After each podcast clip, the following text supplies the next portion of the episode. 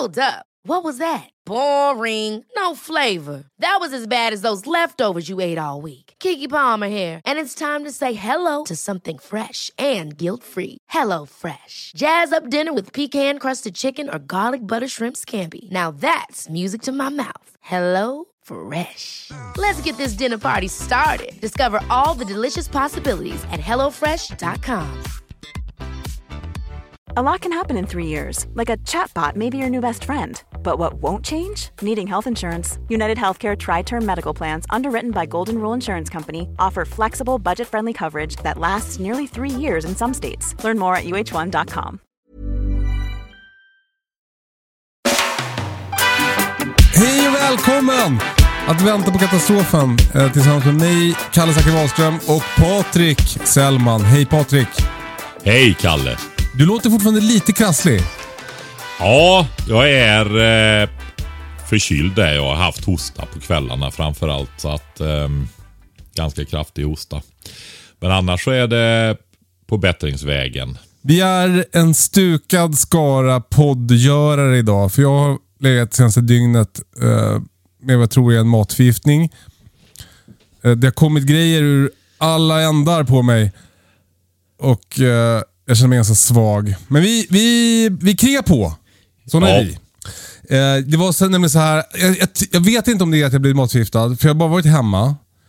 Eh, eh, men däremot så, så byggde jag om lite i hönshuset i söndags. Och jag för mig att sist jag gjorde det så blev jag också magsjuk. Jag tror kanske att jag är för dålig på att tvätta händerna efteråt eller någonting. Ja, Du Patrik, förra veckan så pratade vi lite kort om, eller det var så här att jag var uppgiven för att jag eh, hade lite struligt med mina ungar. Eh, jag hade svårt att få på dem kläder på morgonen. Och eh, eh, Vi pratar ju mycket om olika ämnen här i podden. Vi pratar ju om främmande makt, vi pratar om småbruk. Men inget rör upp så mycket känslor som barnuppfostran. nej det, men det förstår du väl när du tar upp det Kalle. Eh, men det är inte mig de är arga på. Mig förstår de. Alla har problem med sina barn. Men ditt tips att tvinga på barnen kläder har inte fallit i god jord med våra lyssnare Patrik. Har du fått mycket då eller? Jag har inte fått så Ja, mycket. men jag har fått ganska mycket. Eh, folk menar ju att det är eh, eh, liksom omodernt. Att, eh, eh, så gör man inte nu för tiden, utan nu är det någonting... Nu ska man lösa eh, konflikterna med hjälp av lågaffektivt bemötande och lek och sådär. Eh, så, så är det med det. Ja.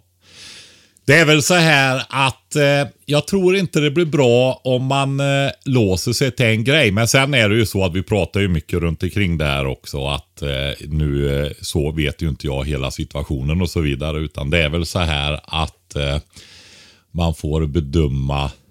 Alltså det är ju väldigt, väldigt, väldigt svårt. Ja. Men, men det är ju inte så att... Eh, jag tror att det är sällan som en metod är nyckeln jämt. Ja. Så är det va? Ja. Utan eh, du får bedöma. Det är ju så här att det är ju inte jättebra för barna att få ha ehm, scener och eh, så vidare i olika situationer heller. Om man har ständigt olika konflikter. Jag tror så här böcker och idéer de kan vara bra inspirationskällor om man inte hittar lösningar. För man fastnar ju oftast i mönster. Va? Men sen eh, är det ju givetvis så här att en förälders bästa egenskap det är ju tålamod. Så är det ju. Ja, precis. Och, och det, Ja. det, det är ju nästan alltid i tidspressade situationer som konflikterna uppstår. Alltså när man ska iväg för att man ska på något och sådär. Så det, det, är- det är då situationen uppstår och det är då det blir svårt. Och jag, så jag, jag fattar ju också. Alltså jag, jag, jag har ju också läst de här, eh, den här inspirationen. Jag har också blivit inspirerad. varje tid har sina böcker. Och jag tänker så här, det är faktiskt en liten fara med det också. Nej, men det är liksom som att man eh, ja, lägger ansvaret där. Jag tänker att det verkligen inte är bra att ha dåligt fungerande morgonrutiner med konflikter varje morgon. Hur bra är det för barna? Till exempel. Ja, det är dåligt. Eh, Ja, det är ju det va. Och eh, Man får ju helt enkelt testa och du, det är ju så här. Jag tänker lite grann på den där veterinären som jag tyckte var så himla bra i ert avsnitt där. Ja, i tv-programmet ja. ja. Ja, precis. Ehm, att hon la tillbaka makten hos er. Det är ju trots allt så att föräldrarna känner sina barn väldigt väl. Så är det. Men det som är jobbigt är ju när man ja, men alltså fastnar i mönster. Och jag tänker också så här, för jag hör ju när du säger så där att du har förväntan på dig hur du ska agera där och så blir det ett nederlag. Ja. ja. Ja. Eh, jag tror inte det heller är bra. Nej. Eh, att hamna i sådana grejer heller. va. Och sen är det på något vis som att man lyfter ansvaret lite grann från sig själv. När man lägger det i. Alltså det var ju för, jag vet inte, det var bra länge sedan nu så pratar man mer om fri uppfostran. Och det var många som skrattade åt det där att det blir fri från uppfostran också. Jag tänkte på det efteråt sen du sa det här med självständighet och så vidare. va. Ja. ja, men det är jättebra med självständiga människor. Men en människa ska ju också kunna samarbeta, inordna sig, underordna sig och så vidare. Va? Och alla de här sakerna så behöver ju en människa göra. Va? Ja. Man ska ju vara... Eh, kan ju inte springa omkring massa eh, människor som bara ska ha som de själva vill hela tiden. Eh, heller. Alltså, men blandning är nog väldigt bra. Ja, Men sen gäller det att få rutinerna att fungera också då. Va? så är det. Så är det. Eh, men För hela det var det familjens sagt, skull. Så att, eh, eh, eh, ni, kanske nyblivna föräldrar där ute som famlar runt i mörkret. Eh, eh, inget är så enkelt som man kanske först tror. Speciellt inte när det gäller barnuppfostran. Men skit i det nu. För nu ska vi prata om något som är om möjligt ännu viktigare och svårare. Vi pratade förra veckan om bug out location, Patrik. Ja, Alltså evakueringsplats. En plats dit man kan fly om man inte längre kan vara hemma. Eh, och Vi hade fått en fråga eh, som rörde en sån här plats där brevskrivaren inte kunde han kunde inte besöka platsen mer än en, ett par gånger per år. Och därför undrade lite vad han skulle tänka på när det gäller odling. Och du ville komplettera lite där. Ja, alltså det är ju sådär. Man låser ju in sig i... var ju inte i bästa form heller. För det var ju så givet på något sätt. Men det var ju liksom, vi satt ju där och funderade på det här med hur vattnet ska fungera. va. Men du har ju faktiskt, när det gäller buskar och träd, den kanske allra bästa månaden att plantera egentligen är ju september. Har man krukade växter så kan man ju plantera egentligen hela säsongen, men då krävs det ju vattning. Men planterar du i september, då är ju trädet eh, hinner ju etablera sig precis, men är också på väg in i en viloperiod. Och så på våren har du ju mycket vatten oftast. Då. Just det. Smart. Och det är också, eh, ofta regnar det på hösten också. Ja, precis. Och jag, jag skrev ju ett mejl till han sen då. Såklart. Detta var faktiskt, eh, kom ganska fort eh, på Instagram då, så det var en lyssnare som påpekade det mycket väl. Så det var inte jag som kom ur fyrkanten självmant. Men så, så ditt råd är i alla fall att plantera buskar och träd på hösten för att de ska då få hjälp av naturen att etablera sig? Ja, för honom speciellt. Jag planterar ofta på våren, men då vattnar jag ju och så också. Va? Så att, eh, eh, men för i hans fall så är det ju väldigt lämpligt att, plantera en eh, höstplantering istället. Va? I och med att han inte kan vara där och vattna så mycket då. Bra tips Patrik! En annan grej som ligger lite i eh, eh, tiden är ju det här med plantuppdragning. Eh, vi är många som nu har börjat få frön i jorden. Eh, vi förodlar för att ge växter som tar lite längre tid en chans att hinna utvecklas och bära frukt under vår korta odlingssäsong. Eh, och Vi har ju pratat mycket om det här med att bygga någon slags eh, hyllsystem med lampor. och jag har lagt ut på Instagram vilka lampor jag har. Och, men du vill, du vill slå ett slag för en enklare metod. Ja, jag tänkte. Eh, dels det här att vi ser... Eh, jättemånga fina hyllsystem med lampor och sånt där då. Va? Det är ju roligt. Men jag tänker ju också att det måste ju vara det ska inte vara så att folk inte kommer igång och odlar för de tror de måste ha en hylla med massa lampor och grejer. Va? Behöver man inte? Nej, det behöver man inte. Det, ska vi dra upp tomater som blir något sånär så kan det vara bra att ha lampor. Och, eh, ja, det är vissa växter som mår bra av det och det är, är ju, underlättar ju, och speciellt om du ska odla mycket. Så gör du ju det. va. Alltså eh, innan jag byggde mina hyllsystem och sånt där. Jag hade ju eh, plywoodskivor på fönsterbänkarna och ställde växter och alltså odlade ganska mycket. Men ska man bara odla lite grann till en radhusträdgård eller till en balkong eller någonting sånt där. Ja, men herregud, det är lite äggkartonger och mjölkkartonger på brickor i fönstret. Va? Det går att ta vad som helst, så att det ska inte vara ett hinder. Alltså det, går, det är en sån otrolig fördel med eh, eh, grönsaksodling just där att det går att göra med så enkla medel. Just det. För det vill jag också säga just när det gäller eh, uthållighet då.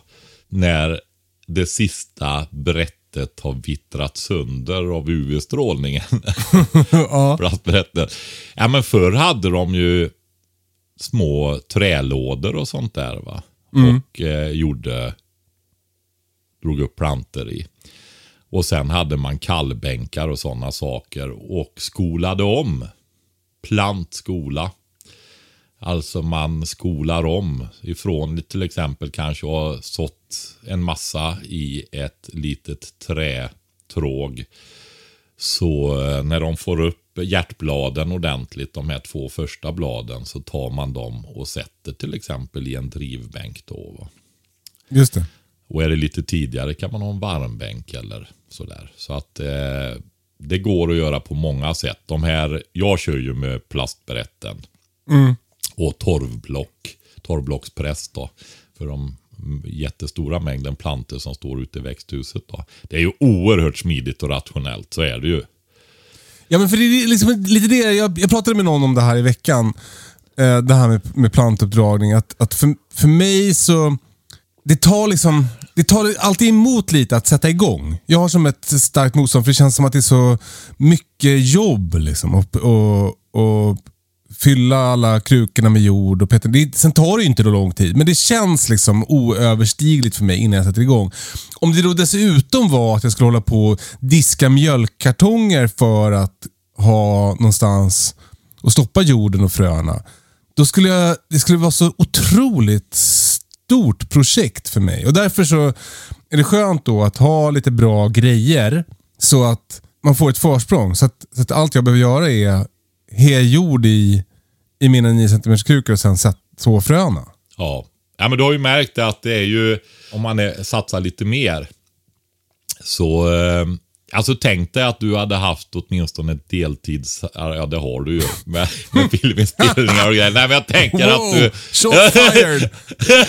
Så brukar min son säga till mig att jag är arbetslös. Ja, Ja, precis. precis. Två småbarn och företag och, och alltihopa det här. Och så ett småbruk dessutom. ja, nej men du styr ju lite mer över din egen tid i ja alla men fall, exakt. så- Alltså jag kunde, va? jag, förra veckan så kunde jag ju ta en dag när jag sådde alla mina chilis och paprikor till exempel. Den lyxen har ju inte många. Nej, och då är det ju så att vill man tänja på gränserna där så är det ju väldigt bra att skapa väldigt smidiga system. Så är det va. Men viktigt, går att göra på så himla enkla sätt. Med glasslådor och allt möjligt. Behöver inte kosta nästan något annat än möjligtvis frön. Och eh, lär dig att ta, jag, jag ser ju det att frökostnaderna ökar ju också va. Men om man vill köpa lite billigare frön, hur gör man då Patrik? Då är det så här att vi har ett samarbete med Fröbanken. Och eh, Det är så här att det finns en kod som heter beredskap med små bokstäver. Om man handlar på Fröbanken och när du kommer till kassan under dina varor till vänster så står det rabattkod. Klicka där så skriver du in beredskap med små bokstäver i. Då får du 10%. Det gäller drygt en vecka till nu va. 15 februari är sista dagen. Så är det. Fröbanken.se. Där går det att få lägre pris. Och, men jag vill också ge ett tips, för jag pratade med någon här. Just där att oj vad, vad dyrt det blir med frön. Ja, det gör det. Om man håller på och köper de här minsta påsarna hela tiden. Må många av, eh, alltså det är ju inte mycket, det är ju så. Många ska odla tre tomatplanter på en, en balkong eller någonting sånt där. Eller ha sina små växthus och vill ha tre sorter. Så att 6, 8, 10 frön av en sort är alldeles ypperligt. Och så kanske man tar egna frön sen också. Men vill du ha, alltså många frösorter håller ju flera år. Speciellt om du kan förvara det som vi brukar säga mörkt, torrt och svalt, va? eller kallt. Så eh, håller de i flera år. Så köp de här lite större. Jag vet att eh, Fröbanken har ju sina storpack och megapack. Helt plötsligt så har du betalat en tredjedel per frö va? Där kan vi också gå ihop med kompisar eller grannar och köpa tillsammans. Jajamensan. Absolut. Smart. Men det är väl lite som med odling som, som jag har försökt säga med träning i alla år. Att, att det behöver inte börja med att du lär dig olympiska lyft och perfekt framfotslöpning. Utan det kan ju börja med att man rör lite på sig och sen när man känner att man är intresserad, då får man bygga upp sitt... Då kan man gå en kurs eller göra något avancerat och lära sig muscle ups. Liksom. Ja. Och Det är väl lite samma med odling, att det kan ju börja med att man testar i en äggkartong i en fönstersmyg och sen upptäcker du hur härligt det är att producera egen mat och då kanske växla upp och, och köpa lite bättre grejer om man nu, om man nu vill det. Precis. Men eh, sen också en sak här eh, som jag också märker lite i eh, meddelanden och kommentarer och sådär. Att ehm, ett, det är ju ett nybörjargrej alltså. Man ska ju så allting va. Ha inte bråttom. Det som är nu då, det är purjolök, chili, paprika, selleri. Det bör du så snarast egentligen då va. För det är januarisådderna egentligen då.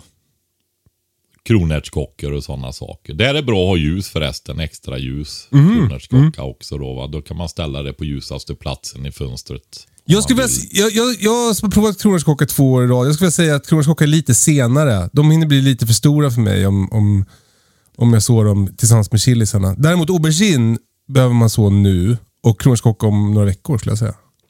Till och med det. Ja. Oj då! The student has become the master. Ja, men du kan ju inte, får, kan ju vara så här också att om du ska ha några kronärtskockor så kan du kruka om dem också. Så är det. Jag får säga en sak till där när det gäller fröna. Det är, jag har ju sått eh, gullök och rödlök. Vad som är viktigt, jag har fått en del frågor om det. Eh, det är så här att eh, gullök och rödlök är ljus och temperaturstyrda i utvecklingsfaserna. Alltså de utvecklar blast först och sen vid ett visst läge så går de över och gör lök. Och då vill du ju inte att de ska göra löken för tidigt. För då har de ju en liten blast och då får du en liten lök. Va? Det gäller att få upp en stor blast och sen. Så att eh, man behöver inte ha bråttom med att eh, förså lök. Eh, I södra Sverige kan du direkt så lökfrö till och med va? och få fin lök. Oj. Det gör, man, gör ju yrkesodlarna där. Va? Jaha. Så att eh, det räcker då kanske om du kan så fyra, fem, sex veckor innan eh, du planterar ut dem så har du ju vunnit, vunnit den tiden. Va? Ja. Men det går också att göra tidigare men då är det bra att tajma det med tomaterna faktiskt. För när man har tomaterna för att inte de ska bli förgängliga så drar man ju ner temperaturen lite grann. Va? Så när du har fått upp dina lökar och så vidare så låter du det vara lite svalt och gärna också att du inte har för mycket ljus då. Va? För då kan de börja med lökbildningen för tidigt. Okej. Så man får tänka på det. Så att det, är man nybörjare så vänta med att så gul och röd lök. Om du ska dra upp egna plantor av det. Det rekommenderar jag. Bra tips Patrik. Eh, vi har fått en ljudfråga från en som heter Kalle. Det låter så här. Hej Kalle och Patrik. Och eh, stort tack för en kanonbra podd. Eh, det är så att jag har en spetsbrunn här hemma som jag har till att vattna trädgården men också som en form av backup för eh, vattnet här hemma. Den eh, pumpar idag med en 230 volts pump och jag har lite planer på att skaffa ett eh, 12 volts solcellssystem med batterier som jag sen tänkte koppla en inverter till för att få ut just 230 volt. Eh, vad säger ni om detta upplägg? Jag tänkte ha det lite som backup för just eh, vattenpump och eh, små elektronik. Finns det något bättre sätt att göra detta på eller låter det som en rimlig lösning? Tacksam för svar och eh, tack igen för en kanonbra podcast. Kämpa på! Tack! Tack för din fråga Kalle. Eh, han har en spetsbrunn. Vad är det? En spetsbrunn, det, är, det har man gjort en hel del nere i Gräsmark, här nere i dalen. Det är ett deltaområde från istiden. En isälv kan man säga. Så där är, har hela där Gräsmark eller Uddheden ligger, är det fullt i sand. Och eh, alltså riktigt fin sand va. Fantastisk sandstrand. Jag visar ju, eller berättar ju det för dig, men ni hade ju bråttom till några inkvarteringar där för någon mässa på, på spa. Så ni hann inte se den här fantastiska stranden då som ligger ut sen i sjön där. Just det, när vi var och hälsade på Flera hundra meter stor riviera är det där nere. Oj, oj, oj. Ja, det är det. Fantastiskt alltså. Eh, där är det så här att man kan slå ner rör rätt i backen där inne. Och ner till grundvattnet och pumpa upp. Alltså järnrör i princip. va. Jaha. Alltså bara ett rör rakt ner? Jajamensan. Fy fan, vad smidigt. i- Ja, i och med att det är sand också. Du vet att sand det renar ju också Mm. eh, väldigt mycket. Eh, sandbäddar då. Va? Så att, eh, ja, framförallt till bevattning och sånt där då så eh, har folk gjort det. Så kör man i princip bara ner en slang och, i det här järnröret och drar upp vatten då. Va?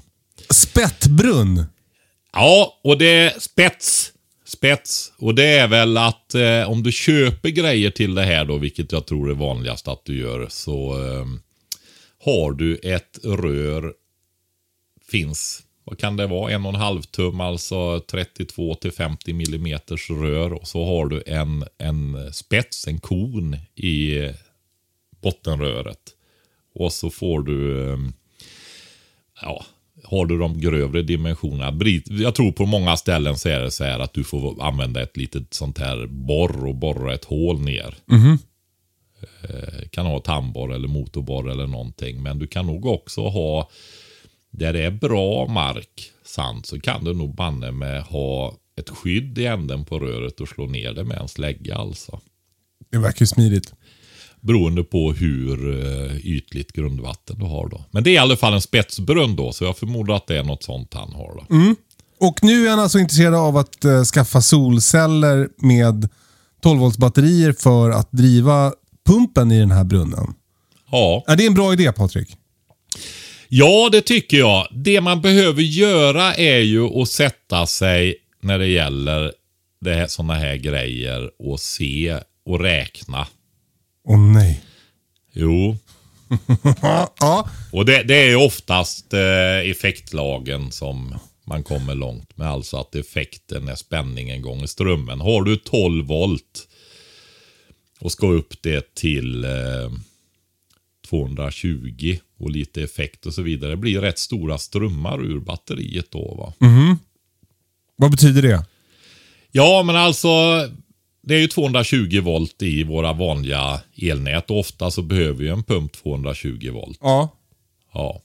Och har du då 12 volt i batteriet, Ja. blybatteri, jag tror han pratade om blybatteri, gjorde han inte det? Ja, det Nej, minns jag inte. Nej, det kan vara jag blandar ihop med en annan fråga. Ehm, men om du ska upp från 12 volt till 220, ja 240. Du får ju alltså ta och höja 20 gånger spänningen va. Ja. Hey, it's Danny Pellegrino from Everything Iconic. Ready to upgrade your style game without blowing your budget? Check out Quince. They've got all the good stuff shirts and polos, activewear, and fine leather goods, all at 50 to 80% less than other high end brands. And the best part? They're all about safe, ethical, and responsible manufacturing. Get that luxury vibe without the luxury price tag. Hit up quince.com slash upgrade for free shipping and 365 day returns on your next order. That's quince.com slash upgrade.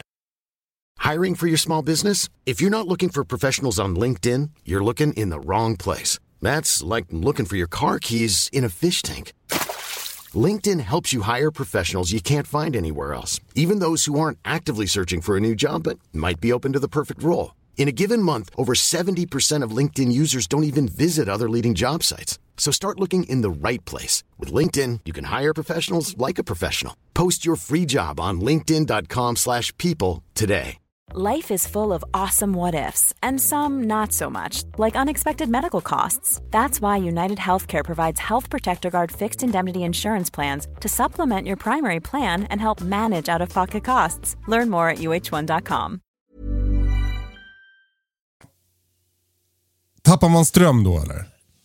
Ja, alltså det, det är ju förluster och sånt där. Men eh, säg att du vill ha en pump. Vi kan väl eh, säga att du behöver 2 ampere till den. 220 volt.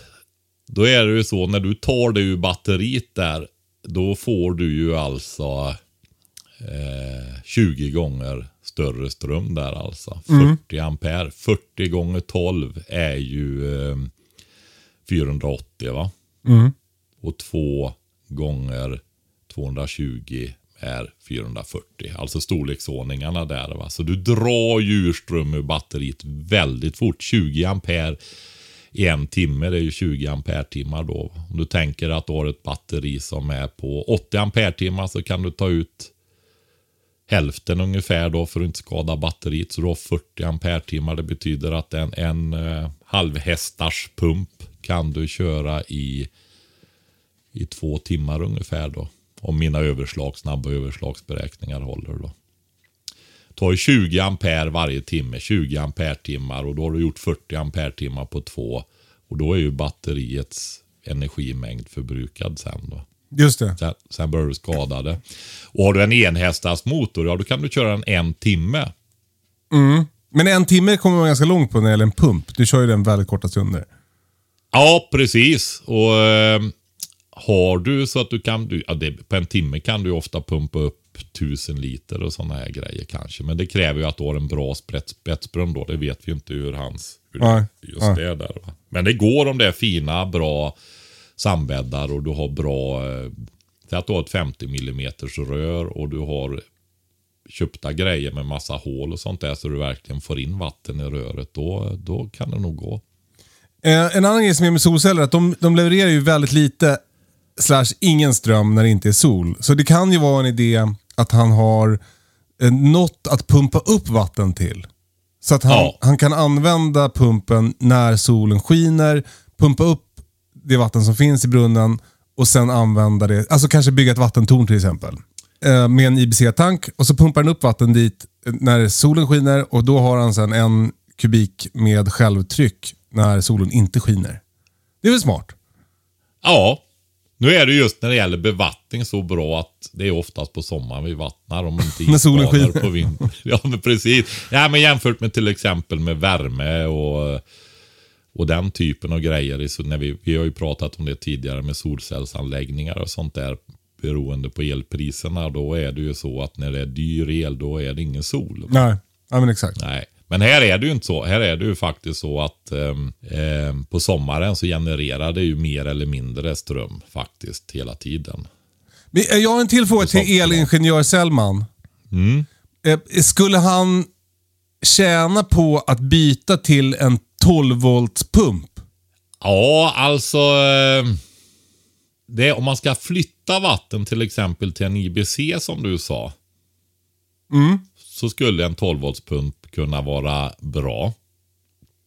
Därför att då slipper han ju förlusterna med invertern då. Det blir värmeförluster i en inverter. Det är ju en transformator. Eh, Ja, det blir väldigt tydligt. I, jag har ju så i min bil och den drar ju ur batteriet om den står på invertern. Den, den har liksom som ett, en grundförbrukning även om man inte har något inkopplat i den. Men, men vad, det, det, ska man, det ska man slippa om man kör det med eh, en 12 volts pump. Ja, jag vet inte hur kraftiga 12 voltspumpar det finns, men det borde ju finnas rätt kraftiga där också, för det handlar ju mer om vilka strömmar. Alltså, du vill ju ha en viss effekt. Alltså utföra en viss mängd arbete per sekund. Och vill du ha ut mycket vatten, då vill du ha hög effekt. Mycket arbete varje sekund. Och då har du bara 12 volt, då får du ha desto större strömmar istället. Då. Och då blir det grova ledningar också. Ja, det är ju eh, strömmen som eh, ger värmeförluster då. Va? Och det har du för klena grejer kan ju bränna av ledningarna helt enkelt. Det vill man inte göra. Nej, Eh, men du, eh, konceptet solcell och eh, 12 volts batterier som backup för att kunna ladda små prylar och driva den här pumpen och sådär. Det, var- det kändes som att frågan var ställd lite mer så. Alltså, ja, men det är ju reserv. perfekt. Det är ju perfekt. Eh, sen får man titta över vad ska man ha för batterier och så komma ihåg det där att när man räknar med effektlagen där och eventuellt lägger till tiden också, ampere-timmar och wattimmar och så då. Det är ju bara att lägga in tidsfaktorn där också. Så eh, behöver du alltså dubbelt så många ampere-timmar i de här blysyra batterierna som du behöver för att lösa uppgiften då. va. Vadå? Ja, men det här som jag sa, du vill ju inte ladda ut batteriet mer än till 50, kanske helst inte mer än 60 procent. va. Just det. Och har du då eh, ett 80 ampere timmars, alltså en, en eh, så många ampere. Eh, har du 80 ampere timmar så kan du använda sig hälften då. 40 ampere timmar. Och när vi pratat om det här förut så har jag för mig att vi har fått eh, inspel att om man har en modern omvandlare, inverter, då sköter den det av sig själv. Ja, den kan skydda den. Om du har en, en inverter som gör det. Eh, jag har ju provat ett sånt här system när vi bodde på i vår för, vårt förra torp. Då hade jag eh, några solceller på eh, bastutaket och två stycken fritidsbatterier i en låda bredvid. Eh, och jag hade det för att driva lite så här LED-utebelysning vid bastun och, och lite sådär. Det, det funkar ju otroligt bra. Jag provade en gång, innan jag eh, kände dig Patrik, så provade jag en gång att köra eh, vinkelslipen från Ja. här batterierna. Det, då, då laddar de ju väldigt snabbt. Eh, därför att den vill ha väldigt mycket, vad det nu är, eh, som en vattenkokare eller kaffebryggare. Eller, alltså mycket ström på en och samma gång och det kan inte de här batterierna leverera riktigt. Nej, det beror ju på vad du har för typ av batterier. Alltså det är ju en hel vetenskap det där. Tar du startbatterier till exempel till en bil, då är de ju gjorda för att leverera stora strömmar. För det behövs ju till startmotorn. Va? Där har du grova ledningar också. Och eh, de är ju bra till just när du behöver eh, stora strömmar då under kort tid. Men, men om vi ska sammanfatta då. Eh, Kalle undrar ju om det här är en bra lösning för honom och då säger vi att det är en bra lösning för honom. Jajamensan, det går alldeles utmärkt Men med den backupen. Jag kommer själv att ha det. Ja, kul. Både till eh, enfaspumpar och eh, till trefas också. För det kan du göra med en eh, fasförskjutare då. Just det. kan du göra egen. Det har vi ju pratat om tidigare också då. Men, men så eh, en idé, det, det låter bra att du tänker ut det här, den här redundansen. Ett alternativ kan också vara att komplettera med ett elverk som du har Patrik. Ja, det kan ju vara precis ett tredje, tredje sätt helt enkelt då. Underbart! Lycka till med ditt eh, solcellssystem, Kalle. Vi har också fått en fråga angående... Där nu Patrik, håll, håll dig i skinnet nu Patrik. Spåra inte, spåra inte ur. Men nu har vi fått en fråga som, som är rakt upp i din gränd. Hej Kalle och Patrik. Hur anlägger man en äng på bästa sätt? Så man kan hjälpa bin och insekter med mera. Med vänlig Ja. hälsning Anders. Ja, att hjälpa bin och insekter med mer. Han var inne på det där. Och eh, alltså det Enklast är ju egentligen att odla i eh, Alltså du göra när du har, om du har ett grönsaksland eller potatisland eller någonting så dra lite eh, rader med eh, insektsblommor i helt enkelt. Det finns ju färdiga blandningar att odla där i. Va? Men om vi specifikt går på att göra äng då, eftersom det är det som är, är frågan där. Mm. Så är det ju det här, vi har faktiskt pratat om detta i de tidigare avsnitten. Om vi har. Eh, Ängen är ju Åkerns åkerns moder. moder. Ja, precis. eh, det är ju vårt gamla, mer än tusenåriga odlingssystem helt enkelt. Va? Det här med ängarna då. Va? Och det är ju knappt promillar, delar av promillar kvar av våra ängar. Och just det häftiga med det, det är ju det där att det är ökad biotop, biologisk mångfald och så vidare i ett av människan skapat landskap. Då, va? Men det är människan och redskapens landskap. Nu har vi människan och landskapet som anpassar sig efter maskinerna istället. Så att nu är det inte, jag vill inte säga att det är människans landskap även om vi skapar maskinerna och det. Men alla springer och anpassar sig efter maskinerna. Så det är maskinernas landskap nu då. Med alla vinster det innebär i produktivitet och så. Eh, beroende på hur man räknar. Men eh, det som var viktigt det var det att man skördade på ängen. Man flyttade det torkade gräset därifrån och man städade upp väldigt noga. Man räfsade och tog med varenda strå. Så man flyttade ju näring från ängen. Man magrade ängen alltså. Den blev... Eh, det tillfördes näring med rötter och löv och, och sådana här grejer. Kvävefixerande växter och så. Viss mineralisering i jorden beroende på vad det var. Men man tog bort mycket av kvävet då, vad som är det här ämnet i konstgödsel MPK. Och det gynnar örterna på gräsets bekostnad. Så där är nyckeln till att göra en riktig äng då. Och är man lite långsiktig där, då kan man faktiskt så någonting som är, eller sätta någonting som är, äter upp kvävet i jorden då. Va? Man gödslar ingenting. Nej, man kan ju börja med potatis. Den tar inte jättemycket näring men det är lättodlat och det bryter upp marken bra och så vidare då. Va? Eller så eh, kan man odla någonting som är till exempel majs. Det behöver enorma mängder med, med näring då så att då tar man bort mycket ifrån eh, från marken där. Så då. tricket är att man ska tänka att man ska ha mager jord. Precis. Det gillar örterna. Gräset gillar mycket näring. Ja, har du mycket näring där så kommer det in gräs hela tiden. Så, så till exempel då, så på min vall här Kväve. hemma, som, som, eh, där jag har ett, eh, gjorde ensilage en vända i somras, men sen växte gräset upp. Då, då stod jag bara ner det så att det fick bli näring till min vall. För att jag ville ha gräs. Ja, ja. Ja. Nej, men så är det ju. Du, du, det viktiga är att du tar bort det om du ska ha äng. Va? Om du tittar de här som åker runt och sköter de kvarvarande ängarna och naturreservaten och det som är kvar. Så eh, en vanlig metod de gör om de inte har någon som vill ha det här magra gräset. Då. Det kan ju vara bra till kaniner och till eh, får och hästar och så. De gillar ju fint gräs. Mm. Eh, men ofta får de ju inte det. Det blir för mycket arbete att gå och ta löst lieslaget Ja. gräs då va. Ja, men då lägger de det på presenningar och drar det av ängen och dumpar det in i skogarna och sånt runt omkring. det. Det viktiga är att få bort det alltså. När man sköter ängen sen, ta vara på gräset.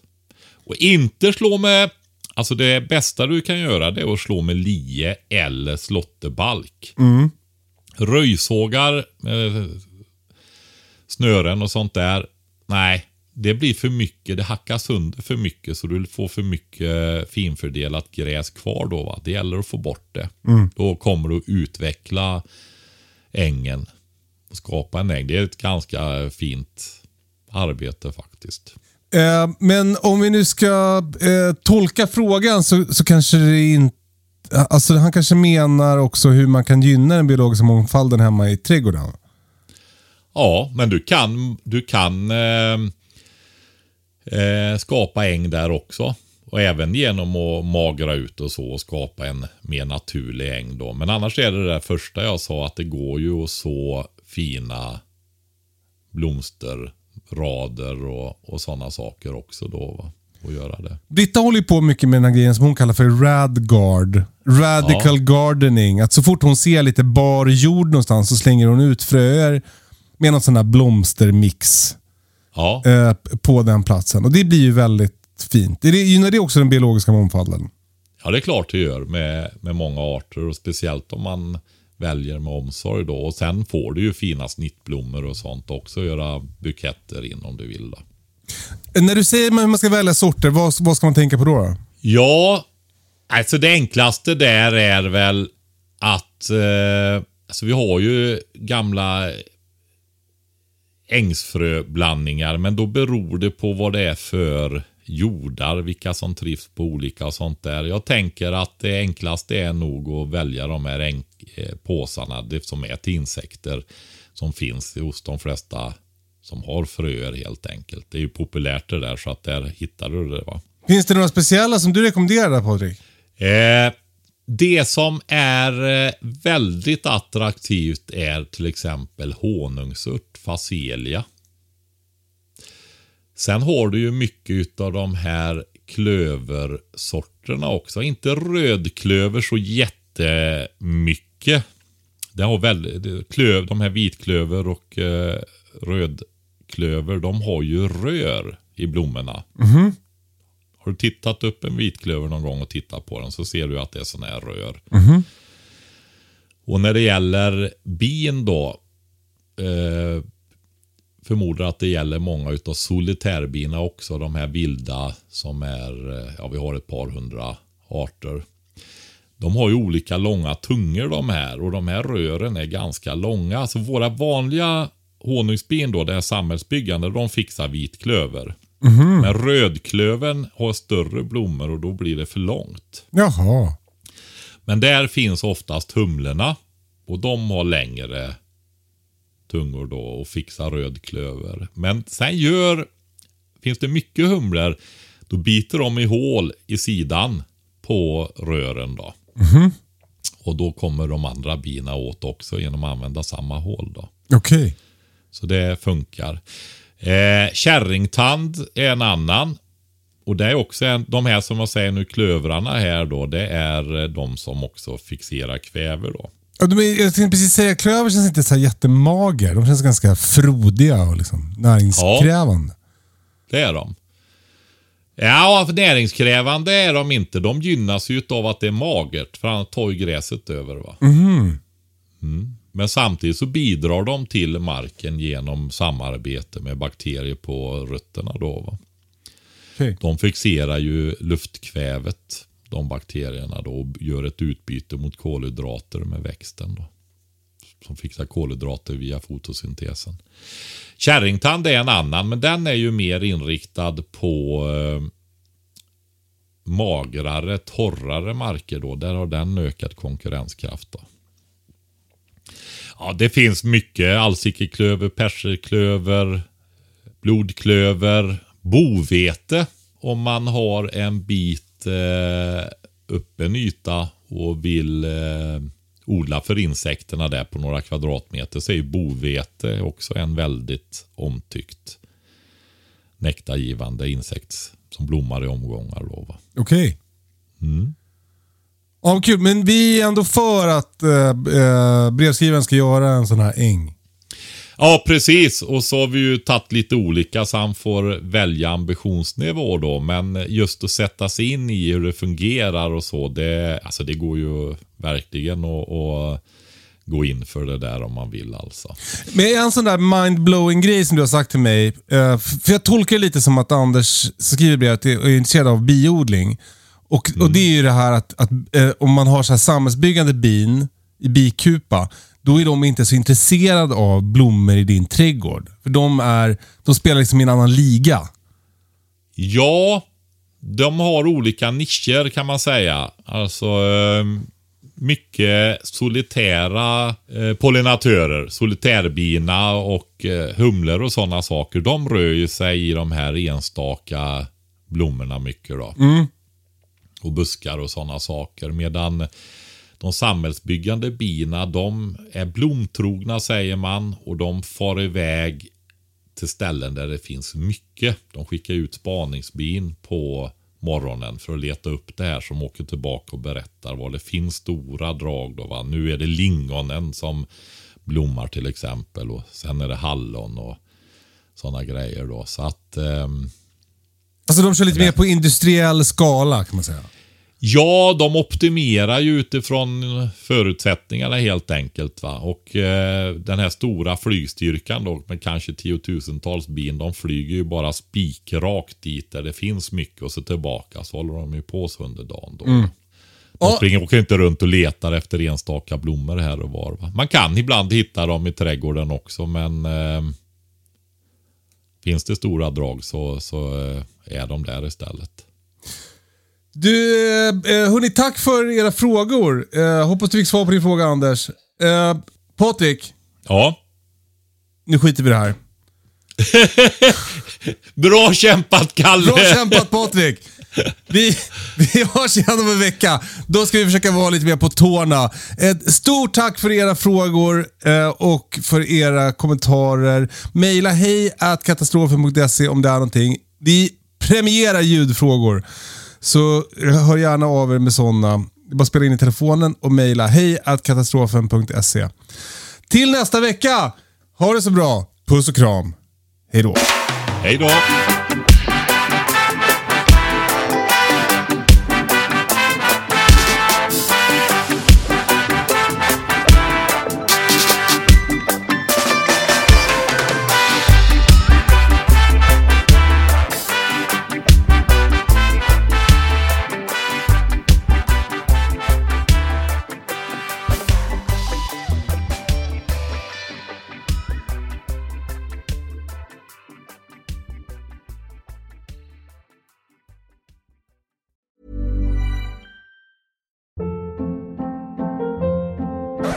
Hold up. What was that? Boring. No flavor. That was as bad as those leftovers you ate all week. Kiki Palmer here, and it's time to say hello to something fresh and guilt-free. Hello Fresh. Jazz up dinner with pecan-crusted chicken or garlic butter shrimp scampi. Now that's music to my mouth. Hello Fresh. Let's get this dinner party started. Discover all the delicious possibilities at hellofresh.com.